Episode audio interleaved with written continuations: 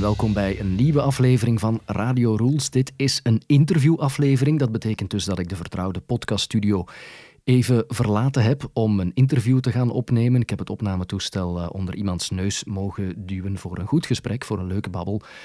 En de naam en de stem die je zo meteen zal horen, ja, die komt misschien wel bekend voor. Niet alleen als je vroeger naar Radio 1 geluisterd hebt, maar ook als je tegenwoordig Radio Clara, dus Clara wel eens aanzet.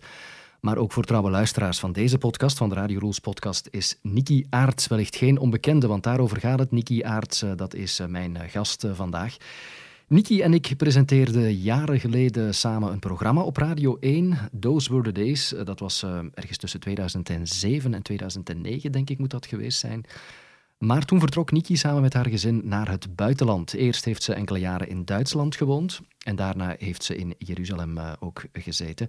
En toen ze in Jeruzalem woonde, heb ik haar in juli 2015 al eens geïnterviewd voor de podcast. Dat was toen, herinner ik mij nog, en uh, die is uiteraard ook nog altijd te beluisteren op radiorules.be. Uh, eh, dat was toen een hele leuke babbel over ehm, ja, immigreren, hè, over het leven in Duitsland en over het leven in Jeruzalem en wat dat met een mens doet en hoe dat ja, je ogen opent in een andere cultuur en een andere samenleving gaan wonen. Ik woonde op dat ogenblik in Canada, dus er waren heel veel raakvlakken. Dat was toen. Niki heeft er ondertussen nu toch alweer enkele jaren België op zitten, maar ze is nu toe aan een nieuw immigratiehoofdstuk. Ze is daar eigenlijk al aan begonnen en dit keer gaat ze het zoeken in Iran. Ze woont dus um, halftijds, dat mag ik zeggen, denk ik, want dat, dat uh, klopt. Ze woont eigenlijk halftijds in Teheran.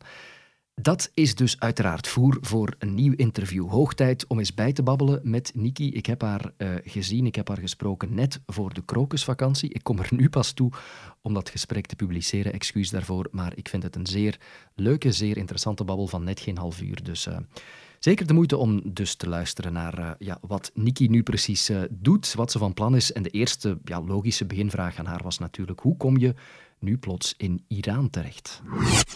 Het verhaal is heel eenvoudig. Uh, ik ga gewoon mee met mijn man, die zich uh, beroepshalve moet verplaatsen om de zoveel tijd. Um, en dan uh, behoor ik tot de groep Trailing Spouses, wat eigenlijk een zeer goede naam zou zijn voor een rockband. maar ja, de realiteit is minder idyllisch natuurlijk. Ja. Jan is diplomaat, hè? Jan is diplomaat, ja. En dan zit je in een systeem um, waarbij je op verschillende al dan niet exotische plaatsen terechtkomt. Zo werkt het. Hè? En dan plots is dat Iran, of hoe is dat gegaan? Wel, je hebt daar een, een, uh, in zekere zin een soort van keuze in, uh, maar uiteindelijk is het een onschuldige hand die bepaalt waar je terechtkomt. Uh, voilà, dat is het in het kort. En dan plots trekt die onschuldige hand een papiertje uit de stapel en daar staat dan Iran op. Je hebt in Duitsland gezeten, je hebt in Jeruzalem gezeten. En dan plots is dat Iran. Eh, ja, hoe was de reactie daarop van jou, van, van je man ook? Um, ja, wauw eigenlijk in eerste instantie. Want wie, dat, is ook zo het idee van als je in de diplomatie zit. Niet iedereen heeft dezelfde beweegredenen om in de diplomatie te stappen. En uh, bij mij is het leuke eraan, voor Jan is dat anders, dus ik spreek vooral voor mijzelf, dat je, het, uh, dat je de mogelijkheid krijgt om een land van binnenuit te leren kennen. Nu, wij reizen sowieso al heel veel en dit is dan een andere manier van reizen. Je, je bent iets langer ter plekke, uh, vier tot drie jaar meestal. Hè, en dan zit je in een rotatiesysteem. Uh, maar dus het is een manier om een land op een totaal andere manier te leren kennen. Uh, je, je woont daar, je, je moet daar uh, je, je boodschappen doen, je moet op zoek gaan naar een dokter. Je moet, ja, alles wat wij hier eigenlijk doen als we verhuizen, moeten we daar opnieuw doen. Maar dan, ja, het is totaal anders uiteraard. Ja. Uh, dus uh, Iran, wauw. Teheran, een beetje minder wauw, want dat is uh, een miljoenenstad. Zwaar vervuild. In de winter een hel, want je leeft tegen een grote bergketen. Dus je zit eigenlijk in een soort van dal waar alle uh, smog blijft hangen. Uh, dus in de winter heb je vaak het gevoel dat je aan het stikken bent. Dat is echt zo. Uh, is helemaal geen lachertje. dus binnen in huis moet je ook luchtzuiveraars en bevochtigers en what have you allemaal aanzetten om het toch iets of wat draaglijk te maken. Dus enfin, voor de rest is Iran, voor wat ik er nu toe al van gezien heb, een geweldig land. heel gevarieerd qua qua fauna en flora ook. In de zomer heb je nog bergketens waar er sneeuw op ligt, bijvoorbeeld. Uh, ja, ik kan er heel veel over zeggen, maar dus ja, wauw. En nu denken we van oké, en nu moeten we het er wel van maken als je er eenmaal bent. En je was er ook nog nooit geweest. Je kende het land totaal niet, tenzij van de verhalen in de media of, of dat soort dingen ja, je zegt het, uh, totaal onbekend. Uh, uh, behalve dan de mooie beelden die je kent van Isfahan en, en Shiraz en Persepolis. Allemaal zo van die namen die tot de verbeelding spreken. Ehm, Hoeveel tijd heb je dan om je voor te bereiden eigenlijk als dat nieuws binnenkomt van het woord Iran? Dat hangt er een beetje vanaf. Wij hadden nu in concreto iets van een vijf maanden toch, ja. Ehm, maar ja, hoe kan je voorbereiden? De ervaring eh, leert ons nu al. Toen we naar Berlijn gingen, dachten we van, wof, dat is uh, op 900 kilometer van hier, dat is Europees, dat is Midden-Europees, dat is, dat is wat we kennen gewoon. Heel makkelijk. En dan hebben we uiteindelijk toch een, een van je welste gehad. Omdat alles toch anders is. Hè. Um, in Jeruzalem was ik wel eens op bezoek geweest al, om, om te kijken, op zoek naar een school. Want toen hadden we nog die zoon die mee moest ook. En we hebben die nog altijd, maar die moet niet meer mee. um, en, uh, en nu, ja, Teheran. Je moet het doen met informatie die je krijgt van, van collega's van Jan die er al waren. Uh, ja, en dan kom je ergens terecht in een buurt dicht bij de ambassade waar je gaat wonen. En, en dan leer je langzaam maar zeker uh, de, de, de stad kennen van daaruit. Als, als vantage point is dat het. Je zegt daar inderdaad in Duitsland en in Jeruzalem moest de zoon mee, of ging de zoon mee. Nu is die uh, ja, volwassen, heeft hij stil aan zijn eigen leven natuurlijk.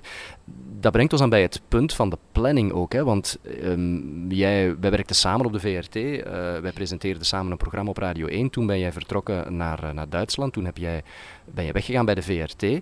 Nu zijn jullie sinds 2016, denk ik, terug in België. Um, ja, plots, na x aantal jaren in België, komt daar dan weer die nieuwe bestemming aan. Jij werkt ondertussen terug bij de VRT, je presenteert op Clara nu een programma. Ja, hoe, hoe past dat dan in elkaar? Want ga je dan weer alles opgeven? Iran, uh, Teheran is niet zo'n evidente bestemming natuurlijk om daar dan als vrouw te zijn. Uh, hoe is dat voor jullie uitgedraaid? Wat was het plan daar? Of wat is het plan daar? Ja, het plan, uh, dat heb ik ook al geleerd. Eh, we maken heel veel plannen en we zijn altijd ontzettend goed voorbereid. En dan blijkt dat plan uiteindelijk niet te werken. Uh, dus nu in concreto voor Teheran was het de bedoeling dat ik uh, zou meegaan. Uh, deze zomer zou ik helemaal ook... Fulltime naar Iran dan? Fulltime naar Iran. Ja, dat, dat plan gaat dus niet door. Daar hebben we plan B uit te laden moeten halen. Plan B uh, is iets uh, makkelijker voor mij. Um, niet zo makkelijk voor mijn man, die daar alleen zit op dit moment en het, het grootste deel van de tijd. Maar ik blijf dus ehm, werken voor Clara.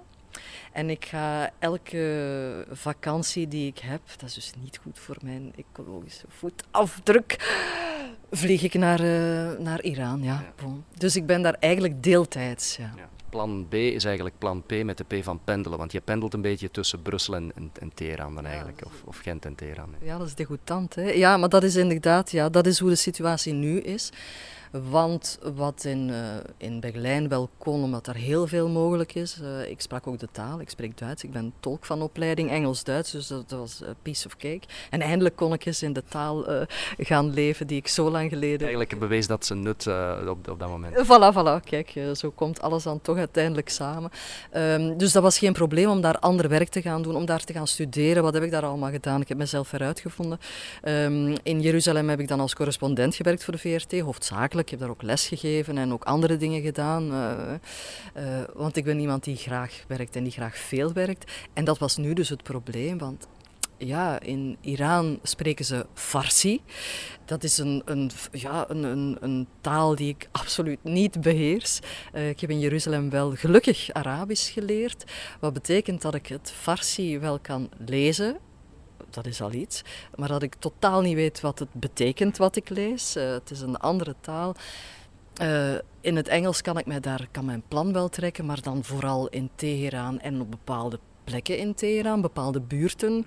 Maar eens buiten de grote steden uh, kom je nergens. En ja, ik zag plots alles de muren op mij afkomen. Ik dacht, ik kan hier niks doen.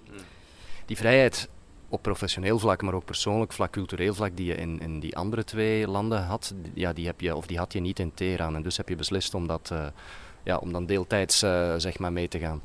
Ja, ik wou dit ook. En ja, ik ben een ouder wordende vrouw. uh, het is allemaal moeilijker, uh, moeilijker om, om te zeggen van oké, ik, uh, ik laat dit nu achter mij. Ik heb nu het geluk dat ik een fantastisch programma mag presenteren. Iets wat ook helemaal in de lijn ligt van wat ik eerder gedaan heb bij, bij VRT, bij Radio 1, een cultuurprogramma, Neon. dus dit Pompidou is, is iets waar ik, ja, dat is eigenlijk mijn vrije tijd ook. Het is zalig. Wie, wie kan dat zeggen? Dat je, dat je job eigenlijk samenvalt met je met je interesses, uh, gewoon als persoon, als privépersoon. Dus bon, dit, dit alles op een hoopje maakte voor mij uh, heel snel duidelijk van ik kan, ik kan daar weinig of niks gaan doen, behalve echt de huisvrouw gaan spelen. En ik wil dat misschien over een paar jaar, over tien jaar of zo, misschien uh, wel eens doen, maar ik ben daar nog niet klaar voor. Nee, en weggaan nu betekent dan meteen weer weggaan voor zeven jaar. Bij de VRT bedoel ik dan. Uh, Want je zit dan in twee, je krijgt twee keer drie of twee keer vier jaar dan uh, op je bord dan. Ja, Vreemde bestemming dan terug. Ja, dat is, dat is zo een, een, de beweging heet dat. En dat is een beweging die om de vier jaar zich voltrekt. Dat is standaard. Maar daar is, die standaard is er ook om van af te wijken. Dus soms is dat drie jaar, soms is dat twee jaar, soms is dat vijf jaar. Enfin, maar het zijn twee buitenposten die meteen op elkaar aansluiten. Dus je bent vier of acht of zeven jaar weg. En dan terugkomen als 58-jarige van... Hallo, uh, hebben jullie nog een plek voor mij? Ja, dat is... Bedoel, ik maak, maak geen illusies. Nee, nee, alle begrip daarvoor. En, en, de drempel was echt te hoog om wat je nu hebt hier op te geven op dit moment. Omdat je dat niet in Teheran of in Iran kon doen wat, wat je daarvoor uh, deed of wilde doen. Brengt ons dan inderdaad bij dat punt hè, van... Het is geen evident land om naartoe te gaan. Zeker niet als vrouw. Of, of zie ik dat verkeerd? Mag ik dat zeggen? Zeggen? Je mag dat zeker zeggen. Uh, bedoel, misschien is het voor ons westerse vrouwen niet eenvoudig om daar naartoe te gaan in eerste instantie omdat uh, Iran is de allereerste en de enigste uh, islamitische republiek ter wereld. Dat wil wel iets zeggen. Dat betekent dat, daar, dat je volgens die wet moet gedragen, ook als bezoeker. Dat betekent uh, concreet voor een vrouw dat je je hoofd moet bedekken en dat je een, een manteau moet dragen. En een manteau, dat is eigenlijk een kledingstuk dat je vormen, je vrouwelijke vormen bedekt. Dat is een, een jas. Een lang gewaad dan of zo, of een jas, een lange jas. Ja, een jas een, ja, een, een, die tot onder je, je, je billen komt. En eigenlijk liefst eh, ter hoogte van de knieën en als het kan er ook nog over. Um, ja, dat is een totaal andere manier van je kleden. En niet alleen om buiten te gaan, dus ook als je op... Om buiten te gaan kan ik daar nog in komen. Dus je, je doet je jas aan om buiten te gaan. Je bedekt je hoofd. Maar als je dan gaat eten ergens, je stapt ergens binnen of je gaat een shoppingcenter binnen, waar er vele van zijn, uh, of je gaat ergens eten, dan word je ook verondersteld van je kan een jas uitdoen, maar onder die jas moet je dan nog iets aan hebben dat dan je vormen bedekt. Dus dat is ja, in de, in de zomer, ik was er nu afgelopen zomer, bij temperaturen rond de 40 graden, is dat dus echt niet evident. En dat moet je echt altijd aan hebben. Je kan niet buiten komen zoals jij hier nu voor mij zit, namelijk losse haren en, en uh, modieus gekleed met de nek bloot en zo. Dat, dat, dat kan niet. Nee, uitgesloten. Ja, dan is de, de, de, hoe heten ze precies? Ze hebben een naam. Het is een soort van politie, de zedenpolitie, denk ik, uh, vertaald naar het Nederlands, die, die echt rondrijden in busjes en die toezicht houden op het, ja, op, op het naleven van, van de islamitische wetten. Ben je daar ooit al eens op aangesproken? Want je zit nu toch al een paar weken uh, in Iran, of je bent er al vaker geweest? Ik ben er nu uh, drie of vier keer, vier keer geweest, ja. Uh, nee, maar ik betrap, ik betrap mezelf erop dat ik soms zit te voeteren met dat, met dat ding op mijn hoofd. Want ik, ik, heb natuurlijk niet de, de, de. Dat zit nog niet in mijn vingers om die op zo'n manier op mijn hoofd te leggen dat die er niet afglijdt. En dus soms betrap ik mezelf erop dat de, dat de hoofddoek van mijn haar is gegleden. En dan is er altijd wel iemand die je erop attent maakt uh, dat je doek van je hoofd gegleden is. Maar bon, ik heb nooit, ik heb tot nu toe nog geen uh, kwade opmerkingen gehad En je ziet ook dat, van ja, dat is een heel gedoe. Onlangs, vorig jaar was het in het nieuws ook, jonge, jonge mensen, de, de hoofdmoot van de bevolking in Iran is trouwens onder de 26, uh, een hoog percentage. Ja, jonge mensen zien ook wel uh, ondertussen via het internet en zo, 40 jaar geleden met de, met de revolutie niet. Maar allemaal meer komt de buitenwereld binnen en zien zij ook wel dat het niet overal zo is. En ze beginnen dus daar wat losjes mee om te springen. Af en toe valt een hoofddoek af en is er ook niemand, geen haan die daar naar kraait, zeker niet in hun onmiddellijke omgeving.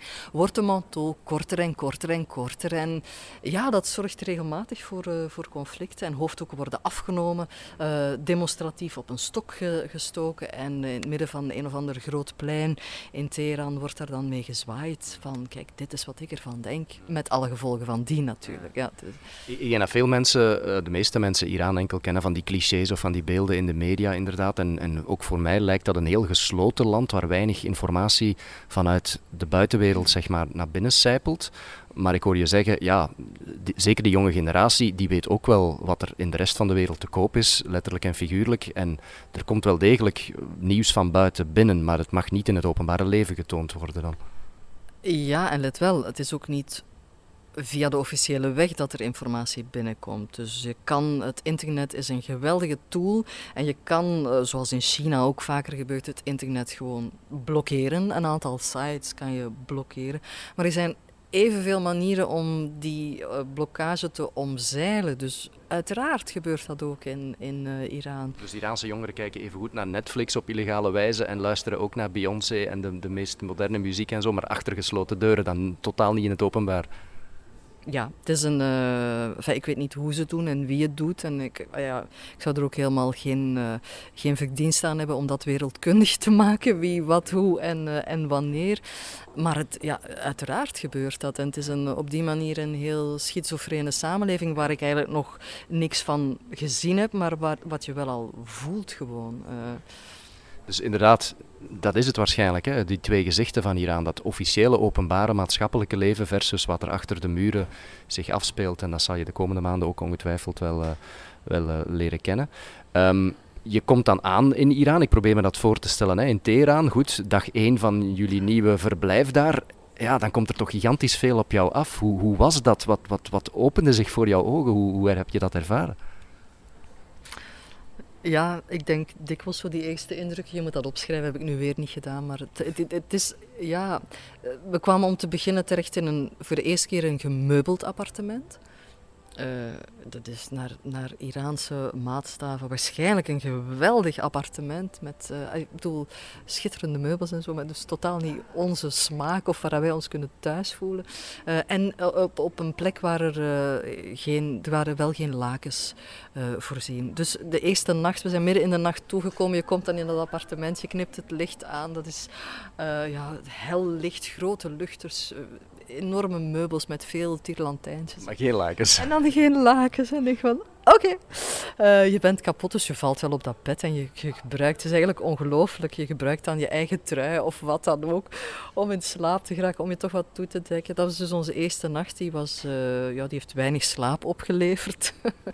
en dan kom je de volgende dag buiten en ja, dat is de eerste indruk, is, uh, je denkt van oké, ja er is een voetpad, jee, er is een voetpad. um, dat is eigenlijk wel leuk, zo'n nieuw land, een nieuwe stad ontkennen, want je kent daar niks. Uh, dat is, dat is een, een, een, uniek gevoel toch eigenlijk? Hè? Ja, en je doet die, die ontdekking beetje bij beetje. En dat is ook fijn. Mijn man moest de eerste dag al gaan werken, ja. Dus uh, bon, uh, schat, tot vanavond, ja, tot vanavond al. daar sta je dan? Ja, met een beetje geld. Want dat geld is ook anders, dat is ook al zoiets. heel veel geld om weinig mee te kopen, want de inflatie is enorm. ja, en je hebt dan nog twee munteenheden, ook Rial en Toman. Het verschil is een nul. Uh, dus dat is wel belangrijk als je naar de winkel gaat. Uh, maar je gaat dus naar de winkel met uh, eh, 9 miljoen. En daarmee kan je dan ja, een, een, een reeks inkopen doen, een, een, wekelijkse ronde in de, de lijst of zo bij ons, zeg maar. 9 miljoen, hè. Um, maar dus ja, dat is een eerste indruk, dat geld, die taal, de geuren, het straatbeeld, uh, die enorme bergen die je ziet als je buiten komt, dat is gewoon fantastisch. Het licht is, uh, is magistraal mooi, is eigenlijk te vergelijken met het licht dat we in... in ja, het Midden-Oosten ligt is het misschien wel wat we in Jeruzalem ook hadden. Uh, anders dan hier, alleszins. Um, ja, je gaat naar de winkel, je probeert te ontdekken wat wat is, want niet overal staat er Engels op. Uh, soms wel. ja, je kijkt naar de mensen, hoe kan ik me kleden? Ben ik oké zo? Je probeert te peilen naar blikken die je al dan niet krijgt. dat is ook wel bijzonder. Um, ja, het is... Uh... moet je echt een positie geven in die samenleving, hè, van hoe gedraag ik mij hier en wat zijn hier de normen uh, en de criteria. Zo. Ja, en ik werd meteen wat mij wel opviel, dus ja, je bedekt je haar, je kleedt, je doet die manteau aan, dus als vrouw ben je eigenlijk al bijna niet meer herkenbaar. En dan een zonnebril op, de obligate, het obligate kledingstuk, eigenlijk accessoire die je moet hebben, is een grote zonnebril. nu, de zon schijnt er ook wel, dus ik had een exemplaar mee. Ehm, en dan, dan viel het mij op dat ik eigenlijk regelmatig werd aangesproken in het Farsi. Uh, waarop ik dan moest zeggen van, ah ja, nee, sorry, maar uh, ik spreek de taal niet in het Engels. En Kennen ze Engels trouwens? Uh, wel, ja, in Teheran meer dan daarbuiten. Of in, in Isfahan, Tabriz, de grote steden, is er wel wat Engels. En sommige leerlingen krijgen ook Engels op school. Maar dat is, ja, dat is niet overal zo basis-Engels. Ja. Um, dus ja, je kan je dan wel in het Engels beredderen, maar eens je dan in de, in de soek komt, in de bazaar, ja, vergeet het. Hè. Dan is het uh, het betere uh, gebarentaal, je, gebarentaal ja, ja, dat, dat naar boven komt en uh, het, het werkt. Ja, je spreekt nu over winkels, inderdaad. Interessant punt. Is, is daar alles te krijgen in, in Iran of in Teheran? En ik vraag dat omdat natuurlijk Iran nog altijd fel te lijden heeft onder dat embargo dat jaren geleden is ingesteld hè, door de Amerikanen. Meer nu, hè, door Trump. En, en, en nog verstrengd is dat is altijd al een heikel punt geweest. Heb je het gevoel of zie je dat, dat alles daar te verkrijgen is? Of is er toch een soort van schaarste en, en, en is alles daar duurder? Hoe zit dat? Wel, de producten die wij kennen, eh, de, de westerse producten, zijn sowieso duurder. Dat is, dat is eigenlijk een segment waar de doorsnee Iranier uh, ja, die koopt dat ook niet, omdat dat niet interessant is. Dat zijn ook dingen die, ja, als je wil aantonen dat je hogerop uh, op de sociale ladder staat, dan, dan koop je misschien eens Lay's chips of zo, ik zeg maar wat. Uh, dus dat is wel te krijgen, maar je hebt een aantal shoppingmalls die daarvoor gekend zijn ook, waar, het, ja, waar de iets begoedere uh, dan zijn boodschappen gaat doen. Um, maar in de buurtwinkeltjes, waar ik ook meestal de boodschappen doe, heb je dan de Iraanse producten. Ja, wat is dat? Dat is een bepaald soort kaas. Dat is het brood bij de bakker wordt ochtends gebakken en kan je eigenlijk namiddags al wegsmijten, want dat is een dun brood dat als het heel vers is ongelooflijk yummy is, maar daarna niet meer te eten, kan je niet wat mee doodslaan. Um, kost ook niks het brood. Uh, ja, het zijn gewoon andere dingen, verse producten. En ze zijn meer nog altijd in tune met wat, de, de, de, wat het seizoen uh, schaften, seizoensgroenten, fruit, dat soort dingen. En als je daar buiten gaat, ja, dan betaal je, je ook blauw natuurlijk, dat is uh, logisch. Ja. En uiteraard geen varkensvlees, hè. geen spek. Ah, ja, ja, ja, kwestie van, van eten en zo en eetgewoonten. Ja, er zijn een aantal dingen die niet kunnen, dan veronderstel ik. Hè, ja. ja, spek. uh, Bij het spek met eieren, s ochtends, dat zit er niet in dan. eieren wel, maar spek. Ja, enfin, nee, en ik ben vegetariër, dus dat, dat, dat vlees is voor mij niet zo belangrijk, want vlees is een hoofdmoot ook weer van, van het, van het uh, Iraanse dieet. Als vegetariër is het eerder moeilijk om daar... Uh, ja, dus, uh, en, en een fles Merlot opentrekken, alcohol en zo, dat is ook uit een boze veronderstelling. dan. Behalve, er, zijn, er is een, een gemeenschap van Armeniërs. Uh, die, uh, bijvoorbeeld in Isfahan heb je ook een, een, hele buurt, een Armeense buurt. En daar zou het, maar ik heb het zelf nog niet meegemaakt, dus dit is uh, from hearsay. daar zou je je eigen, maar waar moet je daar dan aankomen? Hè? Je alcohol kunnen, je fles kunnen meebrengen en je zou ze daar mogen opdrinken. Maar dat is dan allemaal achter gordijntjes en zo. Trouwens, over gordijntjes gesproken. vrouwen moeten ook altijd, als je naar het toilet gaat, dus mannen- en vrouwentoilet, het vrouwentoilet is nog eens extra gescheiden door een door een hoop stof die ervoor hangt, een lap stof, uh, zodanig dat er echt wel geen inkijk zou zijn. Ja. Niki, ik ken jou als een, als een vrijgevochten, onafhankelijke vrouw uh, die, die, die staat op haar rechten en, terecht. Dat, dat, dat, soms moet jouw bloed dan toch ook koken in Iran. Of soms moet je toch ook dingen zien waarvan je spontaan begint te lachen en zegt van, kom aan, dit, dit, dit kan nu toch niet meer. Of hoe, hoe kijk je daarnaar? Uh, ja, dat is een moeilijke, hè? want ik denk inderdaad, van, ik, wil, ik, ik heb geen zin om met iets op mijn hoofd rond te lopen, maar ik wil me wel schikken naar de, de wetten van dat land. En dan wordt het interessant, omdat je voelt van, ah, dat klinkt nu onnozel, maar dan vind ik het interessant voor mijzelf om te zien hoe ik uh, mij voel onder een hoofddoek en uh, met een manteau aan. En hoe, zoals ik daar straks al even zei, denk ik, niet naar mij gekeken wordt. um, dat, is, dat is raar zo. Uh, En tegelijkertijd kan je daar ook, zijn er zoveel modus in, in die hoofddoeken. En kan je daar zo extreem in gaan. Ze zeggen vaak, uh, zo, als je een hoofddoek gaat kopen, dat is mij wel al overkomen. Als je een zwarte koopt, ah, dan heb je geen inspiratie. Van, ah, heb je een, een, inspiratieloze dag of zo. Van waarom koop je nu gewoon een zwarte hoofddoek? We hebben zoveel andere mogelijkheden. Bloemetjes, carootjes. Uh, hè. Dus je maakt er het beste van dan eigenlijk. Ja, je kan, dat, is, dat is een, een fashion statement bijna welke, welke sjaal, welke hoofddoek je draagt. En je leert daarmee omgaan en dat is eigenlijk allemaal niet zo erg. En vrouwen hebben veel meer, zijn veel vrijgevochtener daar dan dat wij denken. Ze hebben ook hoge posities in politiek en uh, aan de universiteit en dat soort dingen. Um, ja, het is, het is uh, bijvoorbeeld de, de metro. Bijvoorbeeld. Dit is een metro. Ja, in, uh, je, je, raakt overal vlot in de stad. Dan, uh, je hebt openbaar vervoer en zo. Ja, in Teheran zijn er bussen, er is een metro. Dus het is een hel om met de auto ergens te geraken, want het staat altijd stil. Echt gigantische opstroppingen. Met de metro denk je van oké, okay, dat, dat is goed. nu, die metro is interessant omwille van een aantal redenen. De hypocrisie, uh, waar ik het daar straks ook even over had. Want er is een aparte vrouwenwagon in de metro, vooraan en achteraan. Waarom is die er? Omdat je anders als vrouw, het is heel druk op die metro, krijg je ongewenste mannenlichamen die zich tegen. Ja, oh ja, ja, ja. Dus dat gebeurt wel. Ze, ze maken gewoon. Ja, ze, misbruik van de situatie, omdat je kan dat niet zomaar onderdrukken. Die mannen hebben gevoelens, die vrouwen hebben gevoelens. Enfin, ja, zet ze bij elkaar en het is hommeles. Um, dus je hebt een, uh, je hebt een aparte uh, wagon voor de vrouwen en dat is, dat is echt dat is een parallele wereld. Dat is gigantisch uh, fascinerend om daarin te stappen.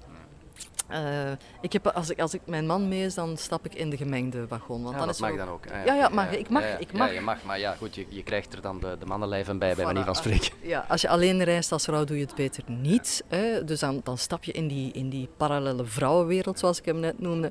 En daar gebeurt van alles. Vrouwen zijn daar heel uitgelaten, praten over van alles en nog wat, waar ik dus echt de nuance niet van ken en ja, niks van begrijp, waar ik gewoon kan afdenken aan af te kunnen leiden waar het over gaat. Maar daar wordt dus ook handel gedreven. En er zijn vrouwen die op die uh, metro stellen stappen met, met, ja, met de waanzinnigste dingen.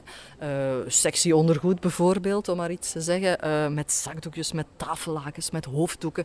En daar wordt handel gedreven. En daar gaan visakaarten heen en weer. En daar worden gewoon codes geroepen van. Dus hier staat iemand aan de deur, die kan natuurlijk niet bij de dame geraken die geroepen heeft van ik wil die sjaal, ja, die, die sjaal gaat naar daar. Maar er moet geld, geen geld, alles met de kaart, toch wel voor hun. Um, en dan moet natuurlijk die code gekend zijn om dat geld van die rekening te halen. Van wat is een code? Die, die, wordt gewoon door het hele metrostel geen enkel probleem. En ik zat dus op de metro toen. Um, de verkoper in kwestie zich vergist had. Uh, dus mannen mogen wel komen verkopen ook op die meet. Het is allemaal... Raar systeem, ja, oké. Het is ja. complex. Je, je, moet er eens ingezeten hebben om te weten wat het is. Uh, maar de, de verkoper in kwestie vergist zich. Uh, dat heeft te maken met die Rial en Thoman. een nul te veel, maar dat is plots een gigantisch bedrag voor een, voor een belachelijke hoofddoek. dus gelukkig krijgt degene die gekocht heeft op het brief te zien van oh my god, ja, ik heb te veel betaald. Er ontstaat een discussie. Ik kan me inbeelden dat dat hier bij ons tot een rel zou leiden.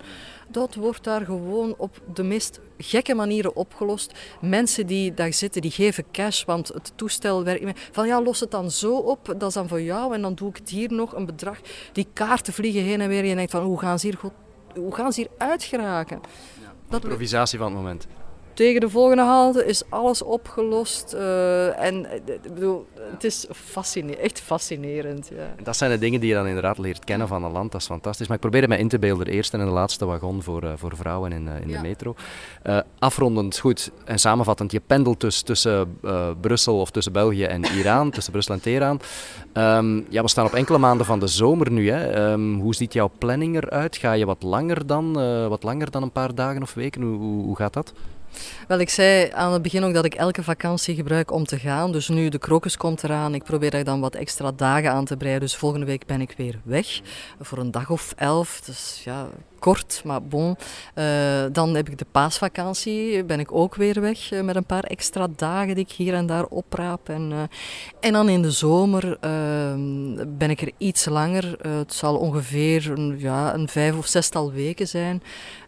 dan hebben we tijd ook om te reizen in dat land. Ehm, we hebben nu ook al een beetje gedaan, maar het is altijd heel kort en de afstanden zijn groot en de wegen zijn niet altijd even eenvoudig bereidbaar. Ehm, dus voilà, ja, mijn zomer, ik bedoel, mijn vakantie en mijn leven speelt zich voor een deel af in Iran. Uh, het is zot, ja, ik word er zelf schizofreen van. Zolang het voor jou en jouw man werkt, is het, uh, is het fantastisch. Niki, dan stel ik voor dat we misschien na de zomer, begin september, nog eens afspreken. Dan heb je ongetwijfeld veel meer indrukken opgedaan en kan je nog veel meer mooie verhalen vertellen Um, vanuit de metro of van op andere plaatsen in Iran. Dus dan stel ik voor dat we dan terug afspreken. Dankjewel alvast. Ja, uh, Goda Hafez kan ik al zeggen. Dat is uh, nog een fijne dag verder. Goda Hafez. Goda Hafez, dankjewel. Zo, weer helemaal bijgepraat met Niki, uh, die andere oorden gaat opzoeken of al heeft opgezocht. Iraanse oorden dus, met andere woorden.